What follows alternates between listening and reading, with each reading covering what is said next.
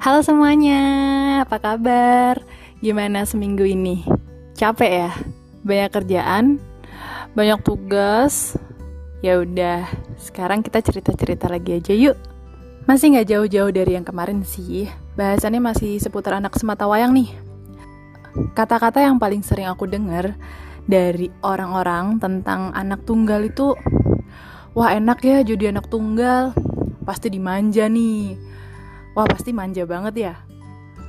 Wah kayaknya tinggal minta apa aja, pasti langsung dikasih. Waduh ya gimana ya? Aku tuh nggak terlahir dari keluarga yang kaya raya.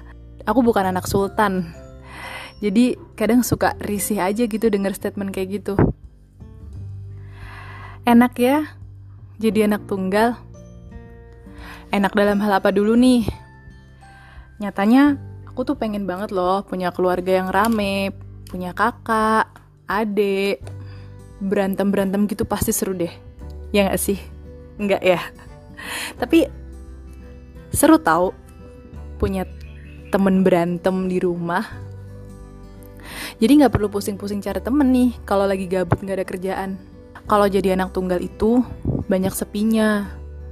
Kadang tuh pengen kayak tidur larut malam sambil ngobrol-ngobrol sama kakak, curhat sama kakak atau sama adik. Tapi kenyataannya aku nggak bisa kayak gitu. Tapi nggak apa-apa. Tuhan itu adil kok. Aku tuh punya orang tua yang bisa aku sulap jadi siapa pun yang aku butuhin. Jadi kakak bisa jadi adik pun bisa atau jadi musuh kejar-kejaran itu yang paling sering terjadi sih anak tunggal pasti dimanja atau pasti manja? Kalau aku sih manja tapi nggak dimanja. Aku tuh nggak dimanja sama sekali loh. Aku tuh punya orang tua dengan tipe mendidik yang berbeda. Kalau ibuku nih tipe seorang ibu yang mengatakan sesuatu dengan jujur. Misalnya, kayak kalau aku minta dibeliin sesuatu, tapi pas lagi nggak ada duit, ya ibuku bakal bilang, ibu lagi nggak ada uang nih dek, lain kali ya. Jadi tidak akan tidak akan memberikan janji-janji palsu atau mengada-adakan uang demi untuk membelikan keinginan anaknya. Ibuku bukan orang yang kayak gitu. Atau sesepele kayak aku nanya, Bu, aku sama Michelle Ziudit cantik mana? Pasti ibuku langsung jawab, ya cantik dia ke mana-mana lah. ya gak sih? Terus, kalau bapak itu tipe orang yang menuntut dan perfeksionis parah. Pernah nih aku dapat nilai ujian 85. Ya menurutku itu udah bagus ya. Udah sebuah nilai yang bisa lah untuk diapresiasi gitu. Tapi tahu nggak sih beliau tanya apa? Yang ditanya malah gini, emang nilai tertingginya berapa?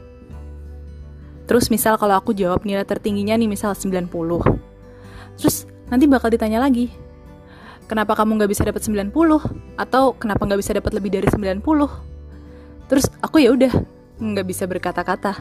Kayak aku berharap bakal kasih, wah selamat ya aku berharap bakal dikasih pujian kayak wah selamat ya pinter gitu enggak justru aku diberikan tuntutan yang lebih gitu nah sementara kalau ibuku ibuku pasti akan bilang gini wah alhamdulillah dek.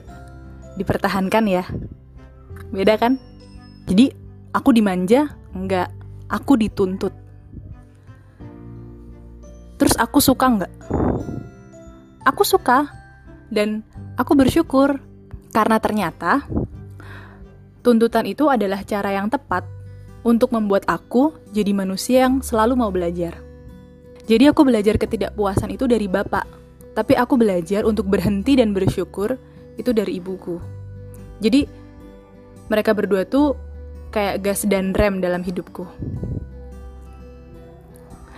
Anak tunggal tuh minta apa aja pasti langsung dikasih dikira sulap apa gimana ya? Ya kayak yang tadi udah aku bilang, aku tuh tidak terlahir dari keluarga yang kaya gitu. Jadi nggak bisa asal minta kayak gitu. Kalaupun aku minta, tapi kebetulan orang tua pas lagi nggak punya uang atau pas lagi nggak bisa kasih, ya udah, aku juga nggak akan nangis-nangis juga gitu.